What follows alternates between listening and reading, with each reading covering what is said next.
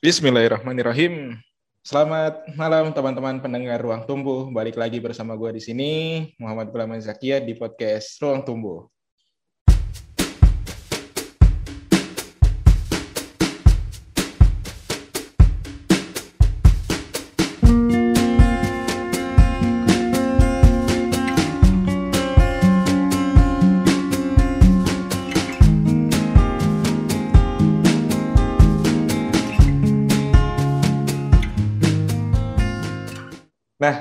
Kesempatan kali ini kita kedatangan narasumber yang sangat inspiring banget nih ya, inspiratif banget. Ada yang kemarin itu masuk couple of the years. Nah, di sini ada Mbak Sita, ada Mas Doni. Halo. Woi, halo. Monggo Mbak Sita, Mas Doni, sapa pendengar Ruang Tumbuh. Assalamualaikum warahmatullahi wabarakatuh. Terima kasih kesempatannya Gulam uh, ngasih kami slot ngobrol di ruang tumbuh ini di bawah santai aja. Saya Sita Evita dan saya Doni. Kami adalah keluarga yang baru menikah enam bulan. yang baru merayakan anniversary. Aduh, itu masih monversary. Kebetulan kami dapat kado kemarin dari mentornya Mas Doni buat staycation gitu. Uh, saya sehari-hari ibu rumah tangga sambil sambil di apa tetap mengasah hobi belajar, hobi belajar ya, ya gitulah. Silakan Bapak. Oh ya, halo aku Doni.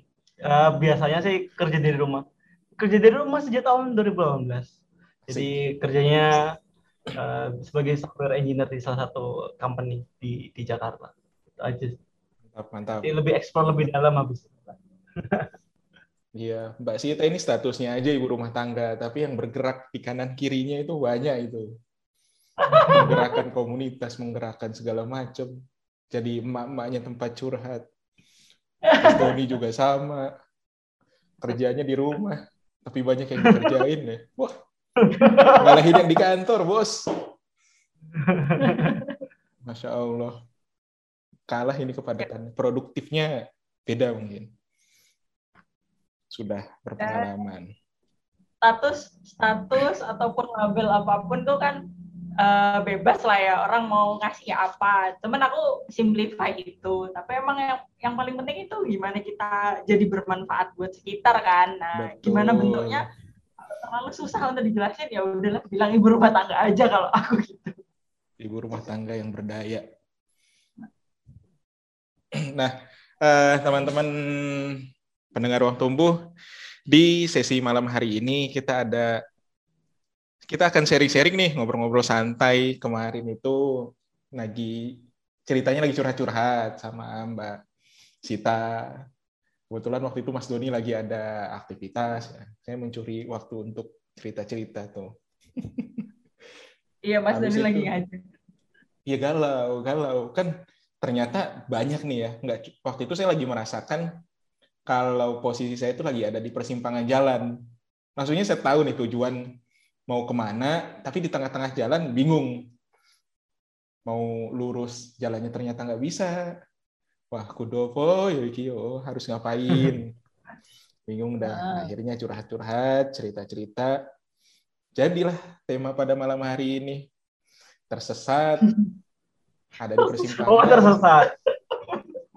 Terus ada bumbu-bumbu mungkin apa menuju pelaminan juga kali ya karena itu boleh, punya boleh. efek boleh. yang apa namanya punya efek domino ke arah hmm. sana gitu. Nah, Mas Doni dan Mbak Sita sendiri sebenarnya eh, pernah nggak sih merasakan gitu yang namanya hilang arah kayak saya kemarin itu tersesat nggak tahu mau ngapain pernah nggak sih Mbak Mas? Kalau dari aku lebih ke pernah ya. Jadi pernahnya itu bisa dibilang kayak bingung mau ngapain. Pernah terjadi pada saat mahasiswa. Jadi mahasiswa di semester 7. Uh, eh, sebenarnya tidak pure dari personal diri bingung mau ngapain. Sebenarnya juga ada pressure dari masalah luar.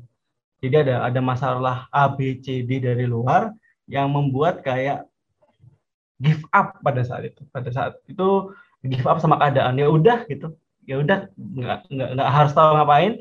Yang aku cuman lakuin adalah lihat anime.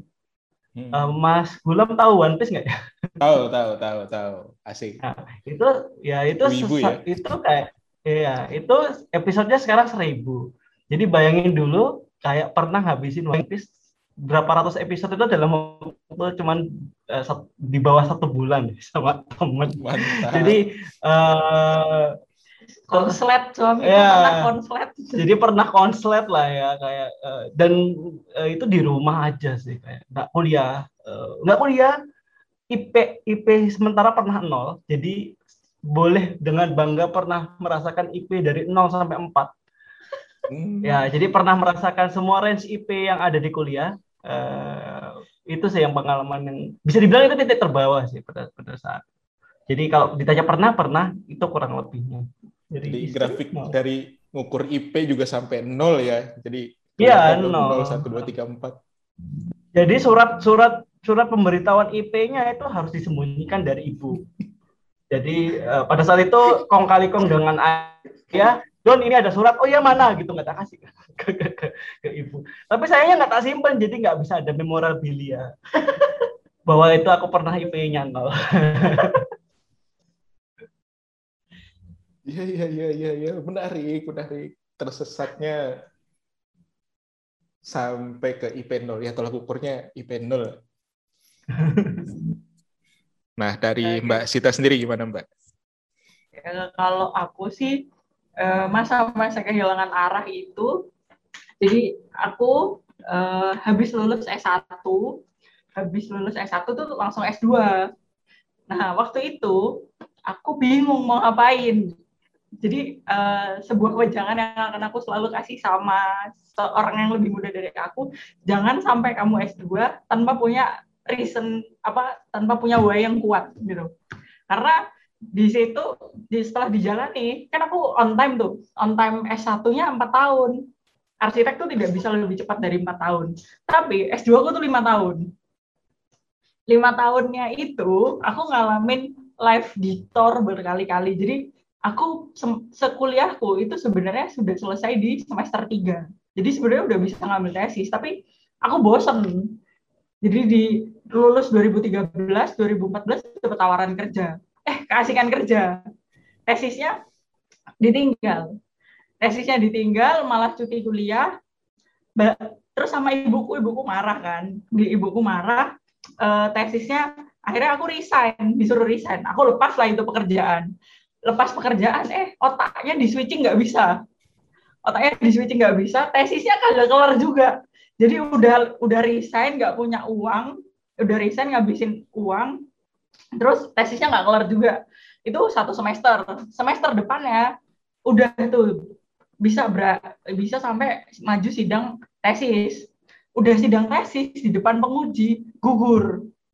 Di depan penguji gugur itu akhir 2016 2017 aku setahun nggak ngapa-ngapain. Jadi aku setahun escape dari rumah. Jadi aku aku bohong sama ibuku ke kampus bilangnya ngerjain tesis padahal aku ke perpustakaan kota. Aku ngabisin sebanyak mungkin buku di perpustakaan kota atau kalau enggak aku ikut eh, kursus-kursus uh, online yang nggak perlu bayar yang jadi kalau bayar kan dapat sertifikat. Nah aku nggak dapat sertifikatnya. Jadi aku ngabisin banyak sekali kursus online di Indonesia X. Jadi kursus online gratis baca buku. Tapi tesisnya nggak kelar karena aku tidak tahu what happened with me gitu. Jadi aku kayak ngerasa feeling lost. Jadi titik terparahnya 2017 aku sempat ini punya suicidal thought gitu. Jadi sempat kepikiran pengen bunuh diri. Kok kayak aku tuh nggak berguna banget ya? Buat apa aku melanjutkan hidup kalau kalau aku nggak tahu aku mau ngapain sama hidupku? Nah, posisi waktu itu sebenarnya uh, punya pacar. Punya pacar tapi pacarku itu udah ngajak nikah uh, udah nggak dia tuh kami pacaran dari 2013 terus sempat diajak nikah buat 2016 aku mengundur-undur tesisku supaya aku nggak nikah. Jadi konfliknya cukup kompleks waktu itu menurutku. Kayak aku kok nggak siap ya nikah sama orang ini? Tapi aku juga nggak mau putus karena dia alasanku juga buat hidup gitu. Waktu itu cukup membingungkan. Jadi banyak sekali paradoks di kepala. Jadi pengen hidup tapi aku juga kepikiran pengen bunuh diri. Terus sampai akhirnya di 2018 uh, eh, aku gabung di komunitas ibu profesional yang kebetulan waktu itu fasilitatornya seorang dokter. Jadi aku cerita masalahku. Jadi Eh, nggak uh, tahu kenapa cerita masalah sama stranger itu lebih menyenangkan gitu. Waktu itu karena aku udah ngerasa teman-temanku udah ninggalin aku kan. Jadi uh, 2013 wisuda S1 nah teman-teman itu 2015 udah wisuda S2 udah kelar semua. Tinggal aku doang satu terus angkatan yang nggak nggak apa belum lulus. Padahal itu seangkatan yang dapat beasiswa paling banyak. Dan aku sendiri juga S2-nya sebenarnya beasiswa. Cuman karena aku tidak punya motivasi menyelesaikannya, jadi bingung. Nah, pelan-pelan uh, dengan seeking for help, aku datang ke psikolog, terus uh, ada ada dosen baru, eh dosen dosen baru pulang S3 dari Korea waktu itu. Ngasih aku ruangan di kampus buat bisa aku detach dari rumah karena posisi di rumah juga waktu itu sedang ada masalah keluarga chaos juga jadi aku uh, aku sampai nginep-nginep di lab kampus sampai aku punya pegang kunci lab jadi aku nyelesain nyelesain tesisku akhirnya di semester 10. Akhirnya aku bisa punya gelar master tapi ya semester 10 kelarnya. Jadi itu fase-fase hidup yang paling, wah, aku ternyata bisa ya keluar dari sana gitu. Menurutku itu fase yang sangat tersesat sekali sih sampai bahkan sampai kepikiran punya apa punya kepikiran buat bunuh diri. Itu dari aku. Wah, ini ini gimana ya maksudnya cukup bukan cukup lagi tapi berat ya. Bukan cukup lagi ini berat karena sampai sempat kepikiran untuk bunuh diri ya pasti maksudnya pressure yang dirasakan itu kan mm-hmm. bukan hal ya kita menganggap orang lain ngapain sih gitu doang sampai kepikiran bunuh diri cuma kan pressure yang dirasakan itu kan masing-masing individu akan berbeda ya apalagi di yeah. judging kayak gitu bukannya menolong, khawatirnya malah meningkatkan motivasi untuk melakukan. Iya. Itu lebih yeah. ngeri sih. Alhamdulillah kan sama Allah dikasih jalan untuk ketemu apa namanya berkomunitas dan ketemu dokter tersebut. Iya. Ya mungkin hidup enggan mati tak mau itu juga mendorong ini ya, ya mendorong pertemuan Mbak Sita sama Mas Doni di tahun 2020 itu. Kalau nggak ragu-ragu di 2016 atau 2017 nikah sama si mantan juga kan ya walau alam cuma kan ketentuannya iya tapi itu, itu. dari dari situ perjalanannya sebenarnya masih panjang juga sih. Ya, iya sih masih ada tiga tahun. Uh, dari kan tiga tahun dari, sehari aja bisa berubah 2017 aku lagi aku lagi kacau-kacaunya kayak gitu. Nah, itu Doni baru akhirnya dia lulus S1-nya. Jadi dia baru lulus S1 terus akhir tahun dia gantian Mas Doni eh, yang yang punya pacar. 2018 aku yang putus. Iya iya iya iya. Memang berliku ya kehidupan. Iya. Mas Doni dan Mbak Sita ini untuk menjadi orang yang inspiring dan bisa menginspirasi orang lain itu harus mengalami dulu mungkin. Jadi lebih touch lagi ketika menceritakan. Untuk murid-muridnya, anak-anak yang seperti saya ini kan lebih tersentuh oh, ya? Karena memang suhu-suhunya ini orang tua orang tuanya sudah merasakan terlebih dahulu. Kalau aku sendiri sebenarnya Mas Doni, Mbak Sita itu ngalamin seperti itu enggak enggak sekali dua kali ya? Maksudnya bingung hilang arah itu ya beberapa kali terjadi di fase-fase tertentu. Misalkan atau ada uh, aktivitas eksternal yang ternyata itu mempengaruhi pikiran kita mempengaruhi motivasi segala macam itu bisa terjadi. Ya contoh hmm. ketika waktu kuliah mungkin uh, biasanya kan kita sudah menentukan target segala macam sudah agile, udah berusaha segala macam, ada oh. faktor eksternal katakan dosen nggak nggak mensupport gitu ya harus ganti judul segala macam nah itu kan kadang hilang arah satu kayak gitu yang kedua yeah. katakan di ketika masuk ke jenjang karir nih, aktivitas profesional di kerjaan sudah menata A, B, C, D, menentukan mau A, mau melakuin B, nanti tahun depan mau seperti ini. Habis itu ada ya seperti pandemi kemarin yang bikin oleng banyak perusahaan. Yeah. Yang mempengaruhi karyawan tentunya. Nah, itu juga kan ada juga yang berpengaruh ke akhirnya berpengaruh juga lah ke kondisi saya pribadi yang bingung lagi harus ngapain, ngeriset lagi. Mm -hmm. Yang jelas sih uh, senior saya sih pernah bilang gitu. Ya udah cita-cita besar itu Eh, cita-cita besar ya jangan sampai dihilangin. Seberliku apa pun kondisimu saat ini dijalanin aja gitu. Cita-cita meskipun itu harus mundur ya nggak masalah yang penting dikip. Cuma kan pada kenyataannya gimana ya? Tetap ya tetap ya rasa bingung itu segala macam itu terjadi. Kalau di aku sendiri itu berkali-kali bahkan. Sehingga aku refleksi diri nih nah eh, merefleksikan diri apa karena aku belum kenal diri kita gitu sehingga kita hilang arah nggak tahu mau ngapain. Atau memang itu hal yang wajar sebenarnya meskipun kita tahu tujuan hilang arah berkali-kali pun ya ya memang fasenya seperti itu. Itu bener gak sih? Ini mau memvalidasi atau dia menanyakan lah ke abang Mas Doni dan Mbak Sita ini Oke. Okay. Hmm.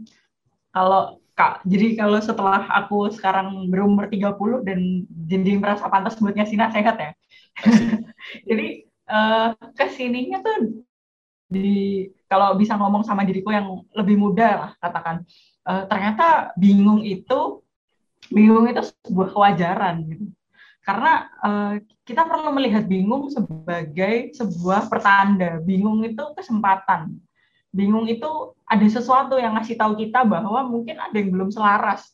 Jadi kayak uh, buat buat aku sendiri ya, ketika dulu aku ngerasa kenapa ya aku bingung, aku aku bertahan sama mantan pacarku, tapi aku nggak pengen putus dari dia. Ya itu kan uh, itu ada sebuah kebingungan yang ke sininya setelah aku menerima dari menerima kenyataan bahwa oh ternyata emang jodohku itu bukan mantanku, jodohku itu orang yang akhirnya menyatakan akad nikah dengan namaku di 2021 ini gitu. Jadi emang oh bingung itu menurutku sebuah alarm sih. Jadi kita ketika ngerasa kehilangan, ketika ngerasa sesuatu, ya ini carinya ke dalam. Carinya ke dalam dan ke atas. Kalau aku gitu. Jadi eh, kita perlu menanyakan lagi, apa sih yang paling benar buat diri kita? Apa sih yang paling selaras untuk diri kita?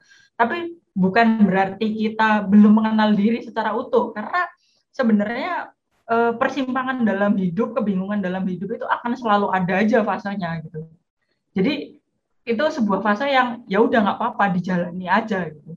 Walaupun untuk menjalaninya itu mungkin perlu perlu tertatih-tatih atau bahkan sampai merangkak pelan-pelan gitu. Kalau sudah sudah sampai depresi yang gelap banget kemarin sih emang itu beneran butuh merangkak untuk keluar dari mengeluarkan diri dari sumur depresinya kemarin. Itu aku. Hmm, kalau dari aku secara personal bingung atau tidak tahu harus ke mana, memang sama sih. Itu adalah hal yang memang harus dilalui. Jadi untuk merasakan suatu kebahagiaan kita tahu harus tahu betapa pahitnya suatu kesedihan. Karena kita harus ada rasa komparasi. Kalau kita nggak pernah merasa sedih dan segala macamnya, itu kita nggak tahu betapa bersyukurnya uh, kita selama ini. Uh, hal yang harus dilakukan sebenarnya ya nggak apa-apa rehat gitu kan ya rehat uh, take time gitu terserah jadi mungkin kita scope mekanisme ketika aku waktu dulu bingung nggak tahu harus ngapain ya udah aku nonton anime gitu waktu dulu pada saat itu. Uh, itu di kayak nggak masalah kamu coba cari di sana. Tapi yang harus ditambahkan uh, adalah ketika beristirahat itu bagaimana kita menambahkan sebuah knowledge apa nih gitu kan ya. Jadi kalau uh, tadi ada sebuah alarm berarti kita harus berhenti dulu. Nah kita harus cari ilmu lebih gitu loh untuk memahami kondisi sekarang. Karena medan yang kita lalui itu kita nggak tahu sebenarnya. Jadi kita harus ambil cari knowledge dari buku dari apa pun itu uh, untuk biar bisa melangkah selanjutnya. Karena progres hidup itu nggak linear kurvanya. Progres hidup itu uh, dia tuh kalau bahasa teknis matematikanya itu berupa sebuah uh, polinomial dia bisa naik bisa turun jadi progresmu bisa naik dalam waktu singkat tapi kamu bisa aja dibawa turun tetapi yang bisa aku yakin adalah ketika kamu dibawa turun kamu tidak akan di level yang serendah sebelumnya jadi uh, bersabarlah gitu loh dalam proses uh, pengembangan diri itu dulu aja sih asik asik iya iya iya iya iya iya, iya ya mudah-mudahan sih obrolannya bisa ini ya bisa memberikan pencerahan untuk ya siapa pun pendengar ruang tumbuh. Kalau dianalogikan kan ketika kita dari Surabaya mau ke terminal Harjosari Malang gitu. Kita tahunya ini jalannya cuma lewat uh, Sidoarjo, Pasuruan, terus ya masuk ke Lawang, Singosari, nyampe ya Arjosari. Ternyata kan jalan utama sih itu kan ditutup gitu, harus muter lagi. Kita nggak tahu jalan selain itu tuh lewat mana, berapa bensin yang harus diisi, perbekalannya butuh berapa kan ya nyari pom bensin dulu, take rest dulu, lihat Gmaps. Itu kan jadi ya ya kita istirahat dulu lah. Kita istirahat sambil nyari tahu. Kalau kita bablas aja mungkin bukannya nyampe ke Arjosari malah nyampainya ke Blitar. Nyimpang. Nyimpang karena pakai feeling feeling tapi sembarangan gitu. Ya, kemarin iya, juga iya. aku ya tersadar karena nyasar ya. E, kemarin tuh ya lebih ke pekerjaan. Aku sendiri lebih ke pekerjaan yang aduh kok kayak gini ya. Enggak feel-nya itu nggak dapet, nggak sesuai sama keinginan. Apakah harus shifting, harus segala macam. Cuma karena Allah kasih nyasar tuh kemarin, kasih nyasar. Allah kasih ini inspirasinya lewat nyasar baru mikir tuh. Ini nggak tahu jalan kalau lanjut. Gimana kalau balik lagi sayang. Mikir-mikir-mikir, akhirnya jadilah itu refleksi. Ya udah lanjut, persiapan, tanya orang apa yang dibutuhkan, dia itu bisa diterapkan di karir juga ternyata. Ternyata sesuatu yang kita jalanin meskipun kita nggak suka bisa dibikin suka gitu, bisa di ya udahlah jalanin aja dulu gitu. Itu lebih ke karir. Tapi akhirnya itu tuh persimpangan itu nyerempet-nyerempet hal-hal lain. Kayak misalkan karir kita udah clear kan, udah 60%, 70%, wah ini masuk ke step selanjutnya nih. Entah hmm. itu pelaminan lah atau urusan yang lain lah, itu kan sudah masuk fase-fase tersebut. Tapi karena nah. nyasar, akhirnya kan harus dipertimbangkan ulang. Ada kekhawatiran lagi, takut hilang lagi, gitu. takut orangnya hilang gitu kan. Ya oh. orangnya juga belum ada. Terus siapa yang takut kehilangan? Enggak, itu maksudnya itu ada, ada, ada di sekitar kita dan aku pun pernah merasakan fase tersebut. Cuma itu udah udah lewat ya, udah jauh. Tapi masih ada sih yang di sekitaranku, teman-temanku juga ada yang takut takut kehilangan padahal prepare-nya juga belum selesai.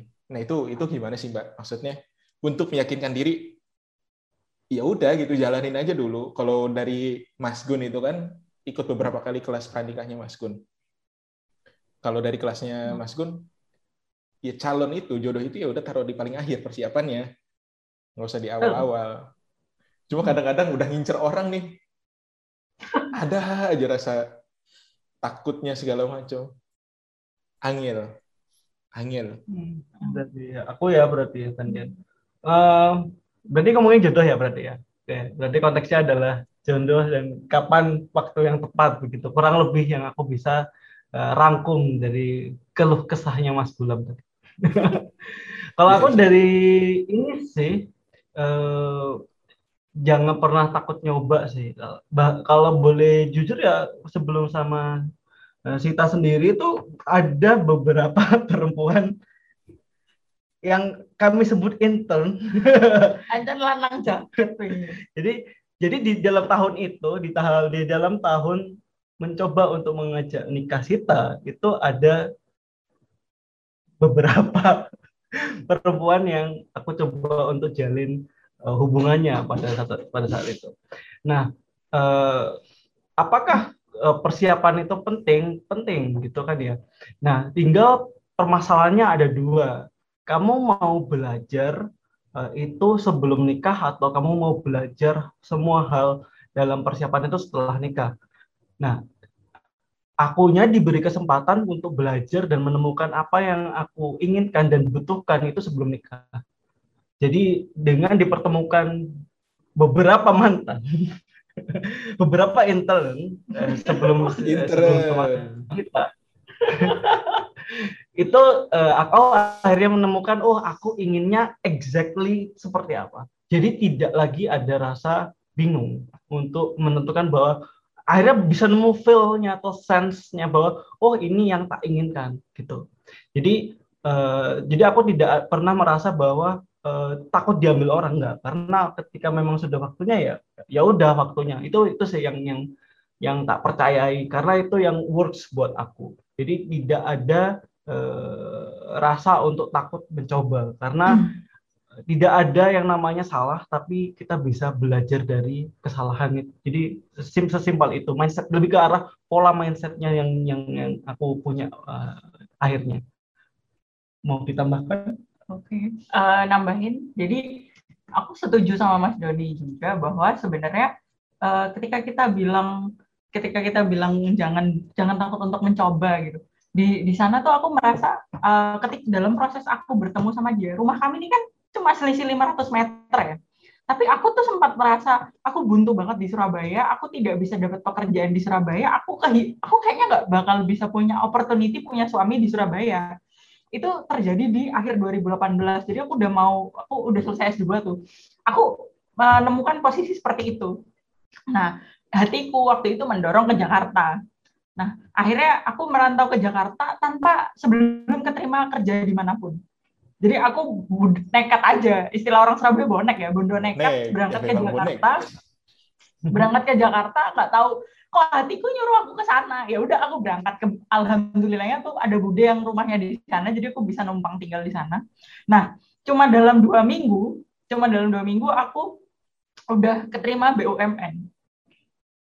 Jadi kebetulan BUMN itu uh, posisi kantor suku sebelumnya itu butuh uh, untuk ngisi pekerjaan yang darurat banget. Jadi nggak nggak bisa pakai apa open recruitment. Jadi aku juga baru tahu oh ya sebenarnya pekerjaan ini pelowongan pekerjaan itu 70% itu nggak terpublish gitu.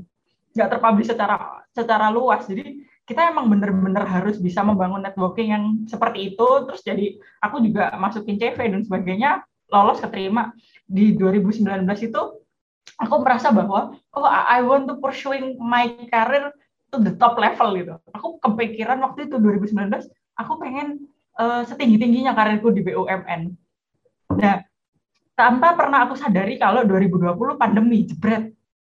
Dan aku tidak merasa bahwa oh kemarin aku di BUMN itu nyasar gitu. Enggak, karena itu sebenarnya masih inline sama hidupku dan sebagainya.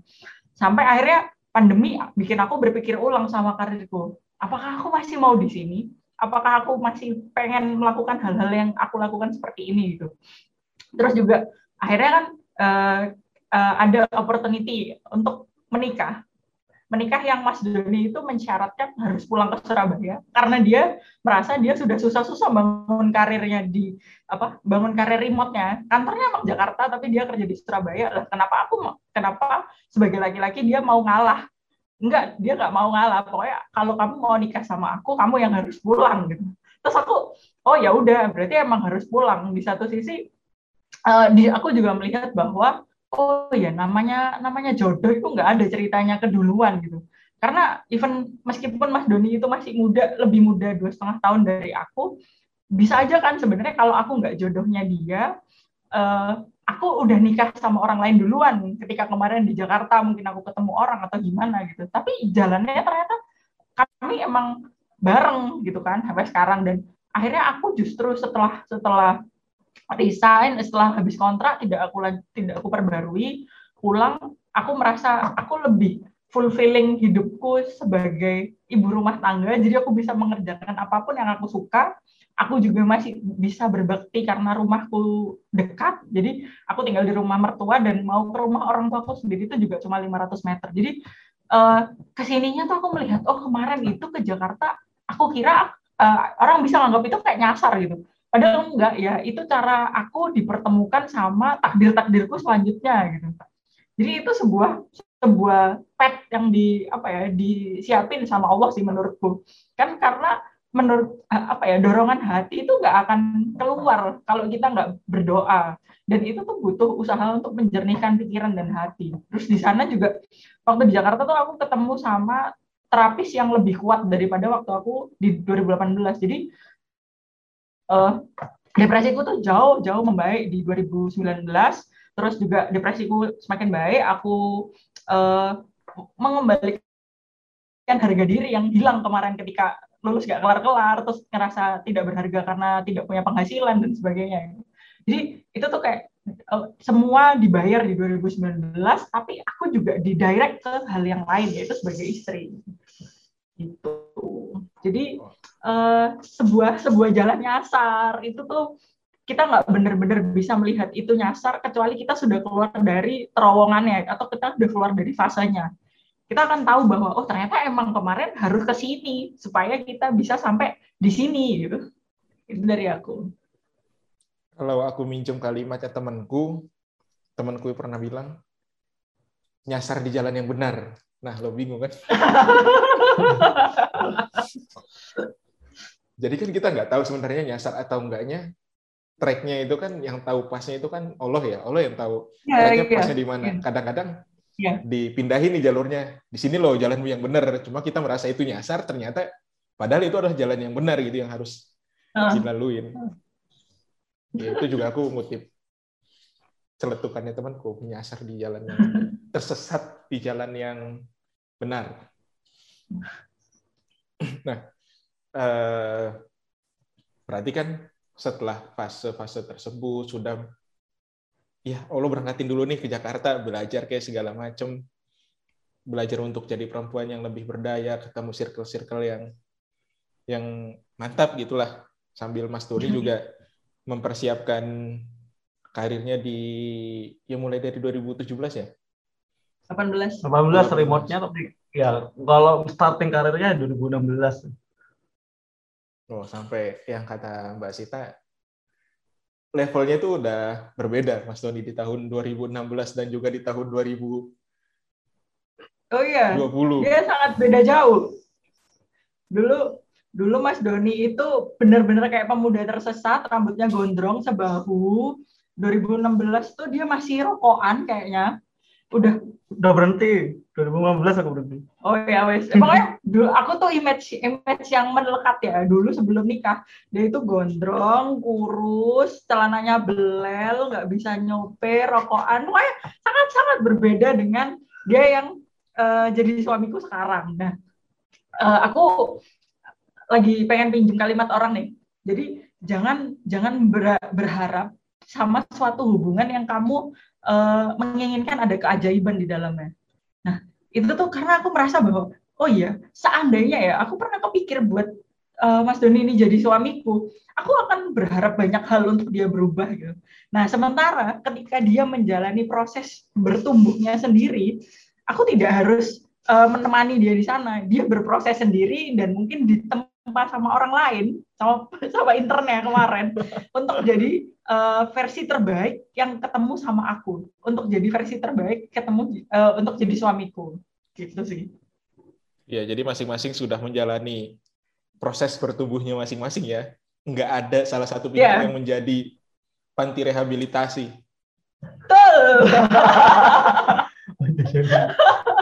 tapi pernah kepikiran nggak sih maksudnya di tahun fase-fase 2016 2017 itu Mbak Sita sama Mas Doni udah saling kenal belum? uh, kenal udah 2015 tuh aku udah udah kenal karena kami TEDx. Dulu kami TEDx Tugu Pahlawan. Hmm. Nah, eh, enam uh, tahun lalu itu aku masih ingat tanggalnya pas hari ini 25 September enam tahun yang lalu. Mas eh, Doni itu Mas Doni itu bantuin uh, jadi MC di sebuah event yang aku nggak tahu kenapa aku ngomongnya nggak smooth gitu. Jadi aku waktu itu jadi jadi kurator acara itu. Jadi aku jadi kurator tapi uh, public speakingku tuh lagi berantakan banget karena aku lagi mens. Jadi nah aku ingat banget itu pos uh, dia tiba-tiba bantuin. Jadi hari itu tuh dia dia nge SMS semua peserta acara hari itu. Mas Doni itu nge SMS semua acara uh, peserta acara untuk mereminder bahwa peserta hari ini ada acara ini loh, ada TEDx Talks ini uh, diharap datang, terus di hari hanya juga Mas Doni bantuin. Tapi kayak waktu itu sama sekali tidak kepikiran di kepalaku bahwa dia akan jadi suamiku enggak. Ya, ya, ya sebagai teman gitu. Tapi aku melihat dia seseorang yang, oh ini loh event yang nggak ada uangnya. Tapi dia mau berkontribusi terbaik, memberikan yang terbaik di sana gitu itu menurutku sebuah nilai tambah sebagai seorang pribadi sebagai teman ya. Oh ini teman yang dia tidak meminta apa pun tidak meminta balasan apa pun dan event itu juga nggak ada uangnya nggak ada tiket berbayarnya tapi dia udah bisa ngasih yang terbaik. Masih gondrong lagi masih gondrong. Yeah. tapi ya ya masih gondrongnya itu yang aku nggak ngelihat kamu sebagai suami tapi sebagai teman oke. Okay. sebagai teman tuh oke okay, itu loh. Enam tahun lalu enam tahun lalu aku mengingat hari ini seperti itu. Kalau dari Mas Noni sendiri, pernah ngira nggak kalau ternyata yang jadi pendamping hidupnya Mas Doni itu Mbak Sita gitu? Dulu itu. Enggak sih. Wah, jadi kalau pernah interaksi sering itu 2015, tapi kita pertama kali kenal itu 2013 tentunya. Uh, Sitanya jadi uh, trainer. Trainer, akunya jadi peserta pada saat itu. Peserta untuk uh, eh, uh, eh, LKMM pelatihan. pelatihan untuk biar jadi uh, ketua organisasi ya pada saat itu. Jadi uh, pertama kali ketemunya di sana. Jadi nggak ada kepikiran sih sampai sampai uh, ya nggak ada nggak ada kayak bayangan uh, siapa siapa istriku. Tapi lebih ke ketika sudah melalui berbagai banyak intern itu akhirnya oh ini kayaknya cocok. Jadi bukan membayangkan tapi kayak kayak requirement-nya itu udah jelas yang pengen tak uh, inginkan dan itu ada di diri Sita lebih ke sana. Jadi tidak ada pernah bayang membayangkan siapa istriku. Kapan dan melalui apa tuh, Mas? Itu tuh oh. mulai terbesit. Oh, kayaknya ini deh. Uh, 2020 sih, 2020 sih. Jadi kayak aku habis putus yang pernah ngomong sama dia bahwa aku juga mau nikah sebenarnya pada saat itu. Jadi putus sama yang apa kayak mantan dulu. Habis itu kayak kita sering banget uh, komunikasi sih. Tapi sering banget komunikasi itu aku ya nggak ngelihat dia jadi istri sebenarnya. Uh, ada hopping point orang lain dulu gitu untuk memvalidasi bahwa oh itu yang tak cari. Jadi uh, harus detour dulu. Jadi harus uh, belok ke jalan uh, misalnya ke Arjosarinya tadi ini belok dulu lewat lewat misalnya lewat enggak uh, pakai tol lewat jalan kecil gitu. Akhirnya keluar dari beberapa intern itu baru akhirnya oh ya ini. Ketika itu butuh kayak semedi sih dua harian. Semedi. dua harian uh, uh, ngobrol sama mentor sebenarnya. Uh, dua hari sebelumnya ngobrol sama mentor gimana? Uh, habis itu satu hari sebelum minta nikah itu aku makan makanan yang paling enak pokoknya. Buat clear bahwa ini yang tak yang tak inginkan akhirnya besok baru besoknya baru tak uh, ajak nikah sih. Gitu gitu teman-teman pendengar ruang turbo. Jadi uh, ini juga perlu jadi catatan buat teman-teman ya ketika sudah punya pasangan atau sudah yakin masuk ke jenjang pernikahan tolong komunikasinya dikelirkan dulu biar bisa ceritanya kayak gini enak gitu ya Mas Doni Mas Sita, gitu. mau buka-bukaan intensif segala macamnya juga ya enak jangan sampai nanti wah kamu punya mantan. Wah repot. Ini perlu jadi uh, catatan. itu karena karena ini juga katanya udah ngelihat bahwa oh, udah clear kema yang kemarin itu nggak works. Jadi yang mantannya Mas Doni juga udah nggak works, di mantanku juga udah nggak mau kalau dia balik sama aku gitu. Jadi kayak kami melihat, oh kami udah tuntas sama masa lalu kami, jadi ting sisanya tinggal melangkah ke depan bareng gitu. Jadi pas waktu ngajak nikah itu kayak berapa sebulan ya? Sebulanan kita kayak telepon 4 Ya, empat sebulan. jam dalam semalam. Setiap malam itu telepon 4 jam buat kayak membedah, membedah kayak gimana masalah mas- masa lalu, clear apa enggak, ada yang ingin ditanyakan. Jadi kayak semua requirement yang kita punya masing-masing itu kayak ditanyain beneran. Eh, keuangan, apa pun itu yang sifatnya eh, material maupun prinsipil. Jadi harus sudah jadi su- sudah jelas di awal. Sehingga kalau bisa bilang enak ngomongnya karena sebenarnya hal itu sudah dilalui eh, kami untuk untuk eh, akhirnya bisa menemukan satu kompromi. Oh kita sudah siap nikah. Oke. Nah, ini juga kan berarti yang menjadi tolak ukur siap atau tidaknya nikah itu kan kembali ke diri kita dan ya memang harus dipersiapkan. Jangan sampai sudah ketemu orang yang klik, menurut kita klik, ya kitanya belum siap, ya sama aja gitu. Masih Betul. banyak lagi tikungan-tikungan di depan, bos, kalau masih kayak gitu. Lul.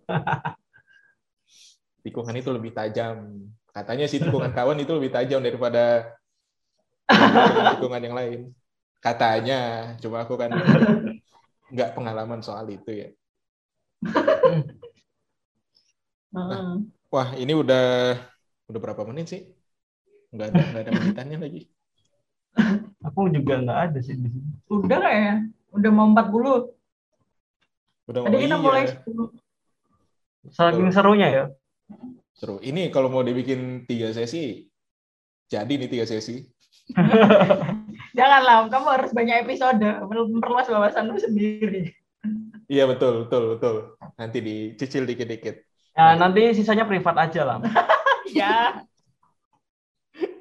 Ini ini sebenarnya kayak bukan sharing atau materi diskusi di podcast ya, tapi kayak curhat tapi dimasukin podcast gitu. Gak apa-apa. Pasti banyak kok yang mau denger nanti. Ya gitu teman-teman. Jadi pembahasan pada sesi kali ini yaitu tadi pembahas tentang ketersesatan nyasar lah bahasanya nyasar sampai bahkan ya masing-masing individu ada ada titik terendahnya titik terendahnya Mas Tony kalau tadi indikatornya adalah bahkan sampai IPK-nya nol terus nonton One Piece yang 1000 episode 1000 episode itu dalam waktu satu bulan berarti kan sehari 330 episode ya Oh, nggak maksudnya sampai sekarang sudah seribu episode, cuman Oh. waktu itu cuma masih rat- eh, rat- ratusan doang. Nggak- itu itu kayak waktu puasaan cuman berhenti istirahat nonton itu cuman buka puasa, sholat, sahur, sudah itu sama eh, terawih udah habis itu nonton terus. Wadaw, aku kira itu mereview semua dari episode 1 sampai 1000.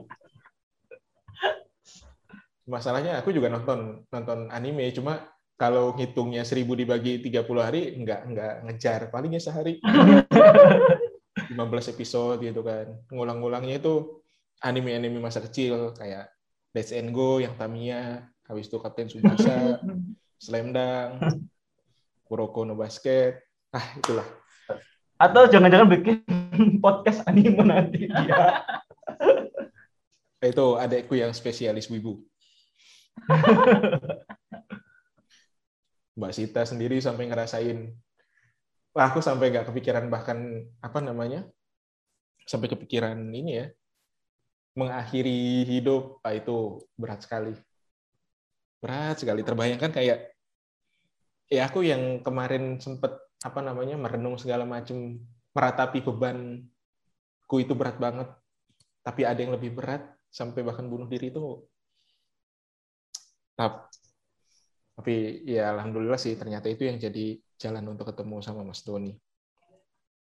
Dan Hmm. eh, konklusi yang kedua terkait perihal jodoh. Bener gak sih konklusi kesimpulan? Bener kan ya? Iya, Iya, iya, iya. benar konklusi. Iya.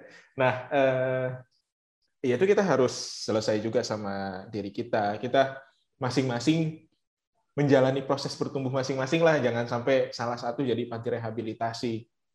Yang A belum selesai dengan dirinya, ternyata kita treatment biar dia kembali ke jalan yang benar. Ya kan kita nggak tahu jalan yang benar. Persepsi kita dengan persepsi beliau atau persepsi yang Allah sebenarnya sudah sediakan kan nggak tahu nih yang benar ya udah jalanin aja dulu masing-masing nggak usah takut kehilangan. Kalau kata Mbak Sita kan kehilangan itu hanya ilusi. Kalaupun memang jodohnya kan nanti dipertemukan. Begitu sih secara apa namanya? Secara garis besarnya seperti itu sih teman-teman dengar ruang tumbuh. Mudah-mudahan setelah dengar episode kali ini nggak ada, ya bukan nggak ada sih, rasa kekhawatiran tersebut bisa berkurang lah yang ada yang tadinya ada di crossroad di persimpangan jalan yang bisa refleksi diri lagi mikir lagi istirahat dulu yang lagi bingung soal jodoh juga sama lebih dipersiapkan lagi. Jangan sampai orang itu nunggu kelamaan. Jadi nggak ada istilah saling menunggu tuh. Clear. Iya benar. Nah, mungkin dari Mbak Sita atau Mas Doni ada tips untuk teman-teman pendengar tumbuh atau closing statement.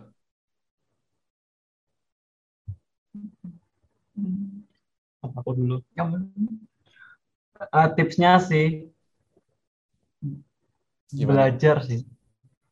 Menurutku uh, coba cari cara untuk belajar uh, bagaimana belajar yang baik dan benar karena belajar itu menyenangkan uh, jadi kalau tadi pernah deng apa pernah dengar tadi sama Mas Gulam uh, terjadi berkali-kali uh, sesuatu yang di persimpangan jalan itu normal tapi yang tidak normal itu adalah resnya harusnya tidak lama dari pertama kali kita menghadapi sesuatu uh, percabangan jadi kadang-kadang aku di awal tadi butuh kayak waktu beberapa bulan untuk lihat anime, untuk reconcile diri, uh, aku harus ngapain. Uh, semakin kamu bertumbuh, uh, kamu akan uh, membutuhkan waktu yang jauh lebih singkat untuk merenung karena kamu punya pengalaman dan kamu punya knowledge. Jadi knowledge itu sangat penting dari uh, bagaimana kita membuat suatu keputusan ke depannya. Dan jangan lupa Nah, satu lagi, keberuntungan itu tidak datang tiba-tiba. Keberuntungan itu menurutku adalah hanya sebatas probabilitas atau peluang yang bisa kamu buat sendiri. Jadi tidak ada yang namanya uh, beruntung sekali orang itu tidak ada. Aku bisa sampai di posisi sekarang karena aku membuat keberuntunganku sendiri. Aku networking, aku cari knowledge dan segala macamnya, sehingga peluang untuk menjadi beruntung jauh lebih besar daripada orang yang cuman stuck di satu titik. Jadi summary-nya adalah cari knowledge dan uh, silakan berkembang ke proses selanjutnya. Okay. Hmm. Kalau dari aku, eh, apalagi nih ya kekhawatiran perempuan tentang masalah jodoh, kayak aku pengen mewakili aspirasi di sana. Eh, jangan jangan terjebak sama laki-laki yang nggak mutu. jangan bersedia terjebak sama laki-laki nggak mutu. Jadi itu tuh penting banget untuk kita bisa punya waktu uh, mengaktualisasi diri sepenuh-penuhnya. Karena nanti setelah nikah dan ada tanggung jawab yang lain itu tuh nggak lagi sama gitu. Jadi jadilah jadilah versi dirimu yang terbaik. Jangan lupa self love, jatuh cintalah dulu sama dirimu sendiri sampai jatuh cintanya tuh tumpah-tumpah. Sampai orang lain pengen ikut cinta sama kamu. Jadi jatuh cintanya tuh berupa apa ya? Kamu melakukan hal-hal yang kamu sukai, kamu belajar, kamu mungkin sekolah setinggi tingginya. Jangan jangan menahan diri untuk misalnya jangan menahan diri untuk sekolah hanya karena takut nanti jodohnya sulit kayak gitu. Karena justru nanti kita akan ketemu sama yang sepadan, yang sama-sama punya kapasitas berpikir yang setara gitu. Jadi eh, jangan membatasi diri hanya karena takut menikah uh, atau takut jodohnya susah kayak gitu. Makasih. Mantap. Ini mahal loh ini teman-teman dicatat loh. Apa namanya? Ujangan-ujangan dari couple of the year Mas Doni dan couple of the year. Mbak orang Sita. berapa ya bilang gitu ya? orang orang kedua yang bilang ngomong couple of the year. Karena aku terinspirasi dari podcast sebelumnya. Jadi langganan memang Mas Doni dan Mbak Sita ini. Ya ini bersyukur sekali ruang tumbuh bisa menghadirkan narasumber seperti Mas Doni dan Mbak Sita ini gitu kan bisa meluangkan waktu sharing sama teman-teman. Jadi poin-poinnya ujangan-ujangannya itu perlu banget untuk dicatat teman-teman. Jangan sampai ada yang apa namanya yang terlewat. Gitu. Oke, uh, episode pada episode ke-14 ini, episode ini mungkin kita cukupkan dulu. Ya mudah-mudahan teman-teman bisa mengambil pelajaran, bisa mengambil manfaatnya. Syukur-syukur itu bukan syukur-syukur ya, memang harus diterapkan ke diri saya pribadi, juga teman-teman, biar nanti kalau punya nyasar, tersesat nggak lama-lama. Kalau minjem istilahnya Mas Doni tadi itu kan ada namanya polinomial ya di matematika. Grafiknya kalaupun turun, nggak di titik yang sama gitu. Kalau sekarang titiknya adalah nol, besok kalaupun turun dari 10 ya paling nggak di tiga Besoknya lagi kalaupun turun adanya di 5 gitu. Enggak, enggak. Turunnya itu enggak di titik yang sama. Itu teman-teman nanti kelamaan kebanyakan closing statement-nya ini biasanya biasanya ya lebih banyak closing statement-nya kalau saya daripada pembahasannya. Mau di closing nyambung lagi, nyambung lagi, nyambung lagi. Ya, kita cukupkan. Eh, terima kasih Mas Doni, Mbak Sita sudah meluangkan waktunya. Terima kasih juga. Luar biasa sekali nih sesi pada malam hari ini. Terima kasih juga pendengar Ruang Tumbuh sudah setia menemani dan mendengarkan diskusi kita pada sesi kali ini. Adios, bye-bye. Terima kasih. Assalamualaikum warahmatullahi wabarakatuh. Waalaikumsalam warahmatullahi wabarakatuh.